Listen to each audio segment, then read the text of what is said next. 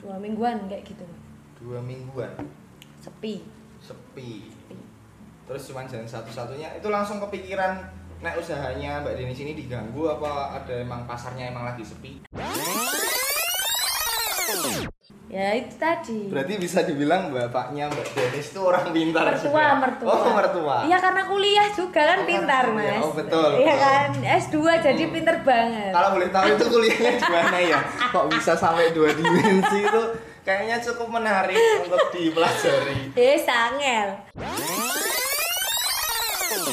Strategi gimana caranya biar bisa keluar dari bisa dibilang jurang keterpurukan tuh mbak Iya, soalnya kan betul, sepi betul. mungkin ada usaha-usaha atau trik-trik yang mbak Denis pasti lakukan dong itu pasti ada Hmm. itu aku promoin Promoin? Ha-ha. buy to get one By two get one. yes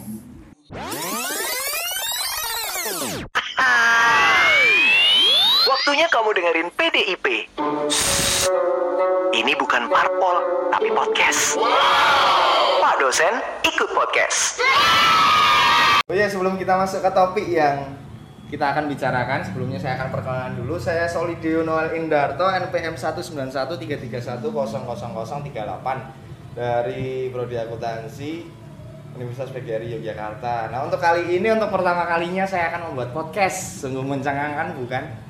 Nah untuk malam hari ini juga saya nanti akan ditemani dengan narasumber yang cukup viral bisa dibilang cukup viral di kalangan orang-orang yang kenal. Ya mari kita panggilkan aja langsung Mbak Denis Vanessa. Selamat malam Mbak Denis Vanessa. Ya. Namanya Denis Vanessa pakai Angel nggak? ya nggak usah nanti mahal kalau pakai angel Oh, ya iya. Kabarnya baik Mbak. alhamdulillah Gimana untuk usahanya? alhamdulillah karena musim hujan ya pasti ada penurunan Nah untuk usaha Mbak Denis sendiri ini usaha apa sih?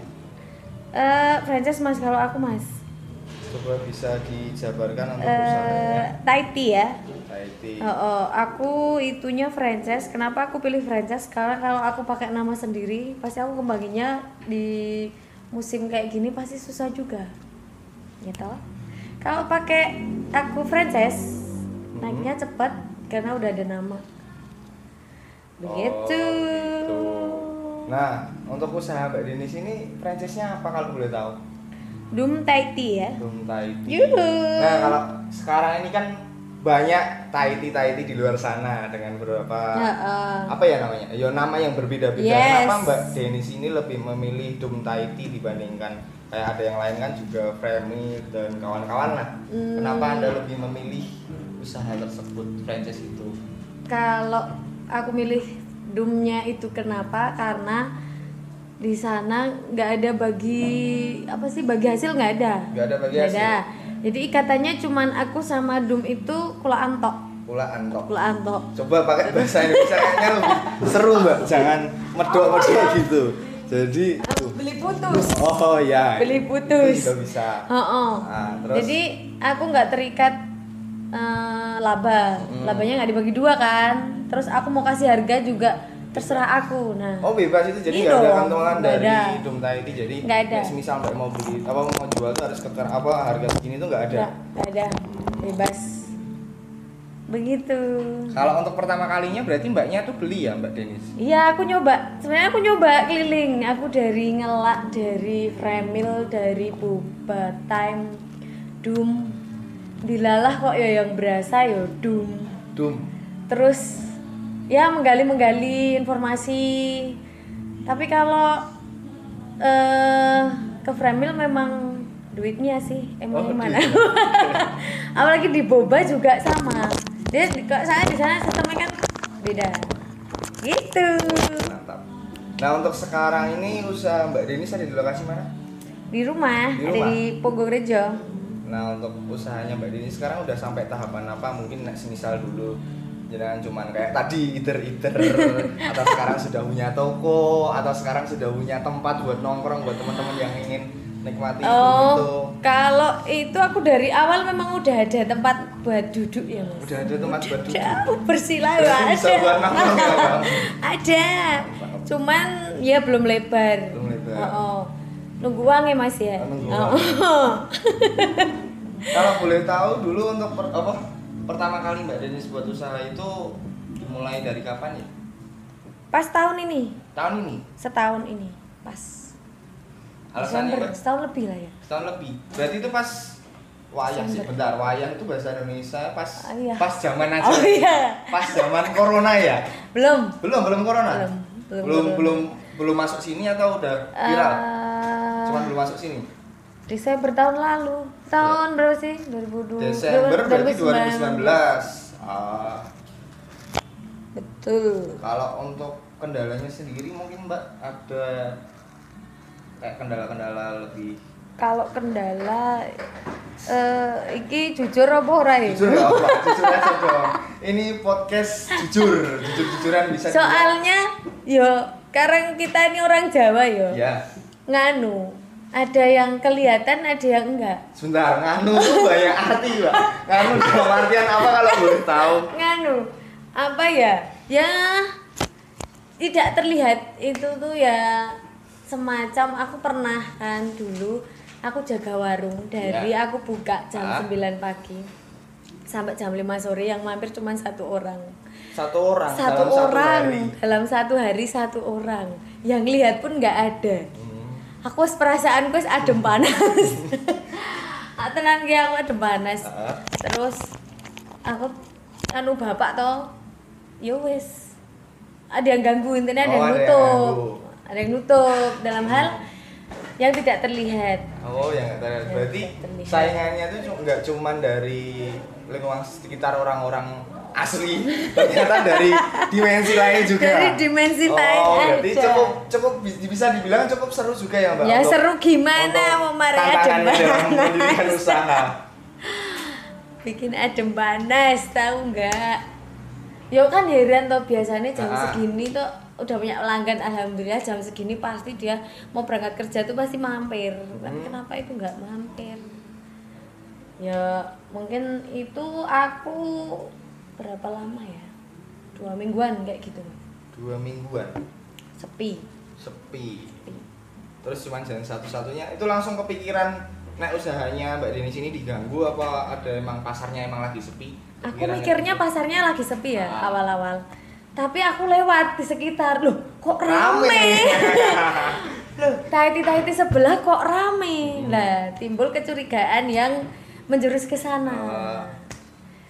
Ya itu tadi Berarti bisa dibilang bapaknya Mbak Denis itu orang pintar mertua juga. mertua Oh, mertua. iya karena kuliah juga kan Oh, pintar mas Oh, betul, iya kan S2 jadi Hmm. pinter banget Kalau boleh tahu itu kuliahnya di mana ya? Kok bisa sampai dua dimensi itu kayaknya cukup menarik untuk dipelajari. eh sangel ya ngono kae ya begitu Usaha. pokoknya eh, Pokoknya. mungkin kalau eh, lingkungan sekitar memang banyak ya mas. Tahiti di Mm-mm. tempatku tuh ada satu dua tiga empat. Empat. Tahiti di empat. kalau minuman kayak susu susu tuh banyak. Limaan ada.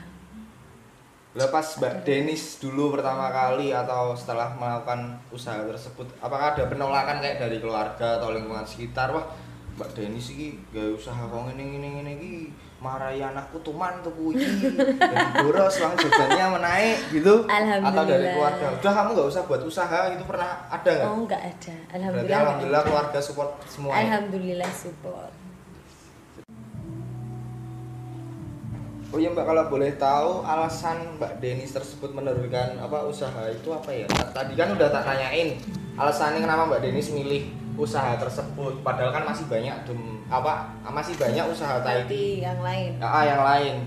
Kenapa kok Mbak Denis sekarang memilih mendirikan usaha tersebut? awalnya itu kan seneng minum ya minum minum ya. minum apa Mbak kalau boleh tahu? soalnya soalnya masih banyak kata-kata tuh sebenarnya banyak arti bisa diartikan dalam minum Mi- minum air putih Mimi Tahiti. Oh, Mimi Tahiti. Ya dong. Ah. Eh, kan memang hobi. Hobi. Satu rumah memang hobi, jadi hampir setiap hari beli. hampir setiap hari beli Oh, oh iya terus terus akhirnya memutuskan untuk franchise dan eh, mendalami mencari info-info lebih dalam kalau mau buka sendiri gimana kan enak toh nggak usah beli di luar bikin sendiri di rumah nah Ah, apalagi ini lebih higienis juga kalau bikin sendiri kan betul. mas. jadi bisa tahu kayak bahan-bahannya. Jadi kita minum tuh bisa tahu, komposisinya ini betul. bahaya apa enggak ya, gitu. oh, oh. tapi aman toh? Aman lah ya. sehat. Sudah ada kayak label MUI halal juga Halal, sudah. Halal. oh ya udah. Berarti baik dikonsumsi. Iya betul. Kalau dulu pas Mbak Denis itu apa mencoba buka usaha itu pas posisi apa posisi pengangguran atau udah kerja atau gimana? Oh kerja mas. Kerja? Oh berarti Mbak Denis dulu udah kerja terus mencoba mendirikan usaha? Oh, oh. nyambi ceritanya. Oh nyambi. Ih. terus kalau Mbak Denis bagi waktunya terus gimana itu? Eh, itu berbagi sama suami. Oh berarti Mbak Denis posisi udah menikah juga? Udah. Oh udah. Ah. tadi belum kenalan udah menikah belum ya? oh, iya, Masa tadi lupa nanya udah menikah apa belum oke udah. Jadi gandeng sama suami. Gantian sama suami. Oh. berarti sif-sifan sif sifan. Kalau boleh tahu dulu Mbak Denis kerjanya apa? Jadi SPG-an mas. SPG oh, oh. SPG SPG apa Mbak kalau boleh SPG tahu? eh HP ya. Namanya promotor berarti. Oh promotor. Promotor berarti bisa dibilang Mbak Denis ini pinter menghasut orang untuk membeli produknya Mbak Denis juga ya? Yang benar bukan menghasut ya. Menghasut. Apa agak merayu sedikit. oh, merayu. ya kalau bisa dibilang biar lebih enak didengar tuh anu aja. Me- Ajakan. ah ajakan supaya Ajakan. kayak memperkenalkan produk supaya Ya, user tuh bisa kok user eh, sih? Customer. apa ya? Eh, mengenal lebih Mengenal, dalam. ah, biar bisa tahu memperkenalkan juga lebih dalam. keuntungannya membeli Betul. produknya Mbak Denis tadi. Ha, ha. Lah itu berarti dulu nyambi. Nyambi apakah kayak enggak apa itu namanya? Hmm, enggak ke dandap. Oh, ke dandap. Bingung gitu Enggak maksudnya? ke- eh, enggak. bingung bagi Fokusnya waktunya oh Ah. enggak lah santai aja pikirannya ya kalau di kerjaan kerjaan di rumah di rumah Berarti itu sampai malam ya, Mbak. sampai malam jam 10 malam Buka jam jam 10 pagi 10 pagi sampai jam 10 awalnya jam malam. 9 ya Hmm. cuman kayaknya itu tanginya itu kegasian ya ah. Dan orang-orang pun masuk pagi-pagi ya betul dulu Baik. awalnya cuman es Es. tok Oh, berarti sebelumnya pernah usaha dulu. Enggak, maksudnya awal-awal franchise ini kan hanya beberapa rasa, Mas. Hmm. Terus eh, aku inilah idenya muncul lagi. Hmm. Oh, gimana kalau panas ngawekani ya? Ah, ah. Apa sih bahasa Indonesia nih ngawekani kalau hujan? susah itu ah, Ya, soalnya itu itu mau. banyak artinya ah, apa-apa Itu aku tambah menu menu varian coklat sama kopi. Itu Hmm. bisa panas. Bisa panas. Nah, jadi hujan pun orang mau mampir, oh ini kan nggak cuman ada es, Ah, ah. ada panasnya. Berarti usaha Mbak Denis itu minuman yang bisa cocok dalam segala kondisi apa pun ya semoga. berarti dulu nek bisnis sama Mbak Denis masuk sip-sipan dulu kerjanya apa lembur Apanya? kerjanya Di kerja SPG-nya Ah. itu.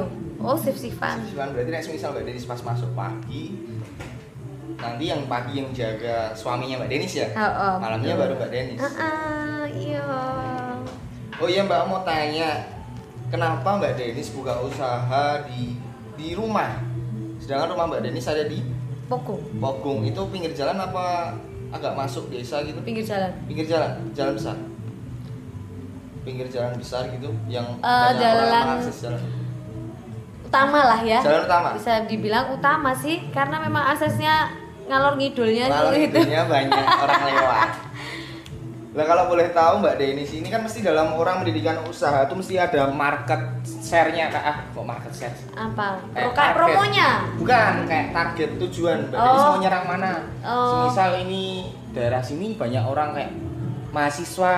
Ya, memang karena di lingkungan sekitar kan banyak kos. Banyak kos. Lagi deket eh, UGM. dapat UGM berarti banyak mahasiswa yang sering jajan oh. juga ya Eh, itu perawat-perawatnya Sarjito juga sering beli. Ya, aksesnya situ-situ aja. kalau boleh tahu dulu pertama kalinya Mbak Denis buka usaha bagaimana caranya Mbak Denis mempromosikan usaha usahanya nyenengan ini Oh. apakah Eh, nyewa event nanti ada dangdutan di depan juga kan bisa buat Eh, itu endorse ke temen sih. Endorse ke temen? Eh, eh, suruh iklan di IG, FB, JFB terus WA. oh elit juga nggak itu Enggak. Enggak. Elek enggak. Terus aku ini di depan itu cuma aku kasih aja cuma-cuma kasih cuma-cuma setiap Jumat setiap Jumat free free. Doom Thai Tea. Iya. Free. Oh. Silakan. Kalau sekarang Kalau sekarang buy to get one. Astaga, berarti ada kerugian juga kenal Mbak Denis baru sekarang ya nggak dari Eh, dulu. Bukan dipastikan bukan kerugian, cuman itu eh, eh, lebih tepatnya promosi. Oh promosi. Biar kan nyicipi dulu. Ah, ah, misal kayak aku dulu Kalau udah kenal dia Mbak Denis kan juga lumayan dapat Doom Thai Tea gratis Iya. juga. Bisa ngerasain sambil nanti kita posting di Instagram. Yes, ya begitu. Berarti bisa dibilang cukup keren ya Mbak dari 2019 ya tadi. Itu sampai sekarang ganti-gantian shiftnya. Eh, kalau sekarang juga. udah gak kerja mas. Oh, sekarang udah gak kerja, Udah. pengangguran. Tapi nek usahanya masih kok, Mbak? Alhamdulillah. Oh. Ngeboti lek buka warung mas. Oh, berarti Mbak Denis sekarang udah gak jadi SPG. Iya ya. Sekarang lebih fokus ke Warung. Warung. Betul. Oh iya kalau boleh tahu ini Mbak Denis kok sampai berani keluar dari pekerjaannya langsung fokus ke ya nggak langsung sih terus fokus ke usahanya Warung. ini ya ah, warung kalau boleh tahu emang omsetnya berapa Mbak dalam satu bulan oh iya anu aja dulu pertama apa itu dalam sehari bisa berapa cup yang laku Kalau sehari eh, 30 lebih lah ya. 30 lebih Lebih. Kalau ada pesanan tuh ya nyok-nyok ya 60. jangan nyok nyok Jangan nyok apa ya. Jangan nyok nyok. Soalnya kalau nyok nyok itu kan agak kasar. Bener. Ah, bukan kasar juga sih. Cuman takutnya disalahartikan. iya. Kadang-kadang. Nah, kadang-kadang juga lebih enak ini. Iya, didengar. kadang-kadang. Ah. Soalnya kan ini yang dengerin podcastnya podcast saya untuk pertama kalinya banyak mbak. Oh, Jadi nggak cuma teman-teman saya nanti Oh siap. seluruh Indonesia nonton Oh, dengerin oke. podcast saya. Seluruh dunia. Ah, jadi Dunia kan ini juga nggak ada batasan. Ah, dunia perpodcastan dengerin suara saya, podcast saya. Dan untuk podcast saya ini pun nggak ada batasan umur. Jadi sebisa mungkin kita Oke. berbicara yang bisa diserap kalangan anak anak-anak, anak muda, anak yang agak tua gitu. ABG tua ya. ABG tua. Jadi bisa masuk kalangan semua. Kadang-kadang Oh, kadang-kadang itu bisa sampai 60. 60. 50. itu per hari Enggak, 60 enggak. bisa. Eh, kadang-kadang. Hmm, kalau ada pesanan Kalau- tadi ya. Oh, oh. Hmm. Kita kan juga nerima pesanan, kadang itu dari UGM, Hmm. dari Sarjito, alhamdulillah ya. Udah berlangganan. Kadang sekali order 20 25. Kalau boleh tahu dalam satu bulan ini bisa sampai berapa mbak omsetnya? Soalnya kan tadi dalam satu hari bisa 30, 50, 60 Eh, sampai terus mbak Deni sekarang memutuskan untuk keluar dari pekerjaan pertamanya terus meneruskan fokus ke Doom Thai Tea ini bisa berapa gitu nyampe nya kalau boleh tahu ini bisa dibilang privasi tapi nggak apa-apa sih biar rame Kalau ini ya di bawah 10 di atas 5 lah ya. di bawah 10 di atas 5 Oh, oh, kalau pas sepi ya di bawah 5 sedikit. Dua lima tapi sedikit tak. tapi biasanya kebanyakan rame ya mbak. Ya alhamdulillah. Tapi ini karena hujan Ah, berhari-hari dari Gojek, Grab pun juga turun. Hmm. Dari kalangan yang lewat pun juga turun. Hmm. Jadi ya alhamdulillah baru dikasih beberapa ya tetap disyukurin. oh iya mbak kalau boleh Sehari. tahu sekarang ini kan lagi musimnya wabah corona loh. dari awal Februari atau Maret ya mbak itu mbak Eh, Maret Maret lah Ma- Ah, pertengahan Maret. sekarang A- apa ada kayak kendala ada penurunan yang cukup drastis gitu Kalau penurunan ada, Ada. cukup drastis juga Ah. pernah. ya Kadang sehari itu cuma laku berapa ya? 7. Hmm. Pernah. kalau untuk sekarang gimana mbak apakah udah agak normal Ya walaupun musim hujan gini tetap di atas 10 alhamdulillah. tetap di atas 10 Heeh. di atas berapa tadi 10 di atas 10 pas sepi-sepinya ya Ah. kemarin itu di bawah 20 kalau Ya. untuk sekarang gimana mbak? Eh ya gimana? Pelan-pelan mas. Pelan-pelan. Oh iya kalau kan ini lagi musimnya corona semua usaha UMKM dan lain-lain kan ini menurun. Apa mbak Denis punya kayak strategi gimana caranya biar bisa keluar dari bisa dibilang jurang keterpurukan tuh mbak Iya, soalnya kan betul, sepi betul. mungkin ada usaha-usaha atau trik-trik yang mbak Denis pasti lakukan dong itu pasti ada Hmm. itu aku promoin Promoin? Ha-ha. buy to get one By two get one. yes that's right ini aku juga mau nambah promo Mm-mm. rencana aku mau nambah sos- sosis bakar Sosis bakar. Yuhu. Jadi udah ada minumannya bisa sambil makan ya, Mbak. Ha-ha. cemilan ya Cemilan, ah, biar enggak biar ada temennya, biar enggak Oh, kesepian betul. orang jomblo aja yes sendiri. ya, kayak siapa tuh Kayak siapa itu? Jangan itu besok besok itu bisa dibicarakan di podcast kita Selanjutnya. Selanjutnya kalau untuk sekarang kita bahas wirausaha aja, Pak. Soalnya itu agak sakit soalnya kalau ingat-ingat masa lalu. Jangan dimakan ya mas Iya nggak apa-apa. lalunya. Aku aku udah biasa mbak soalnya. Oh iya kalau boleh tahu ini mbak Denis punya apa? Punya kayak harapan untuk ke depannya buka cabang pastilah atau ya mas memperbesar usaha di tempatnya mbak Denis ini. Ah. Misalnya sekarang satu ruko besok tiga ruko.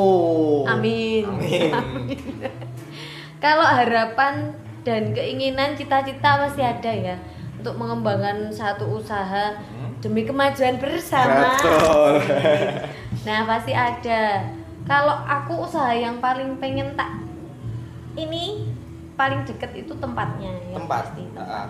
Biar kan usum hujan. Uh, usum musim musim kan musim hujan, Ah. ya.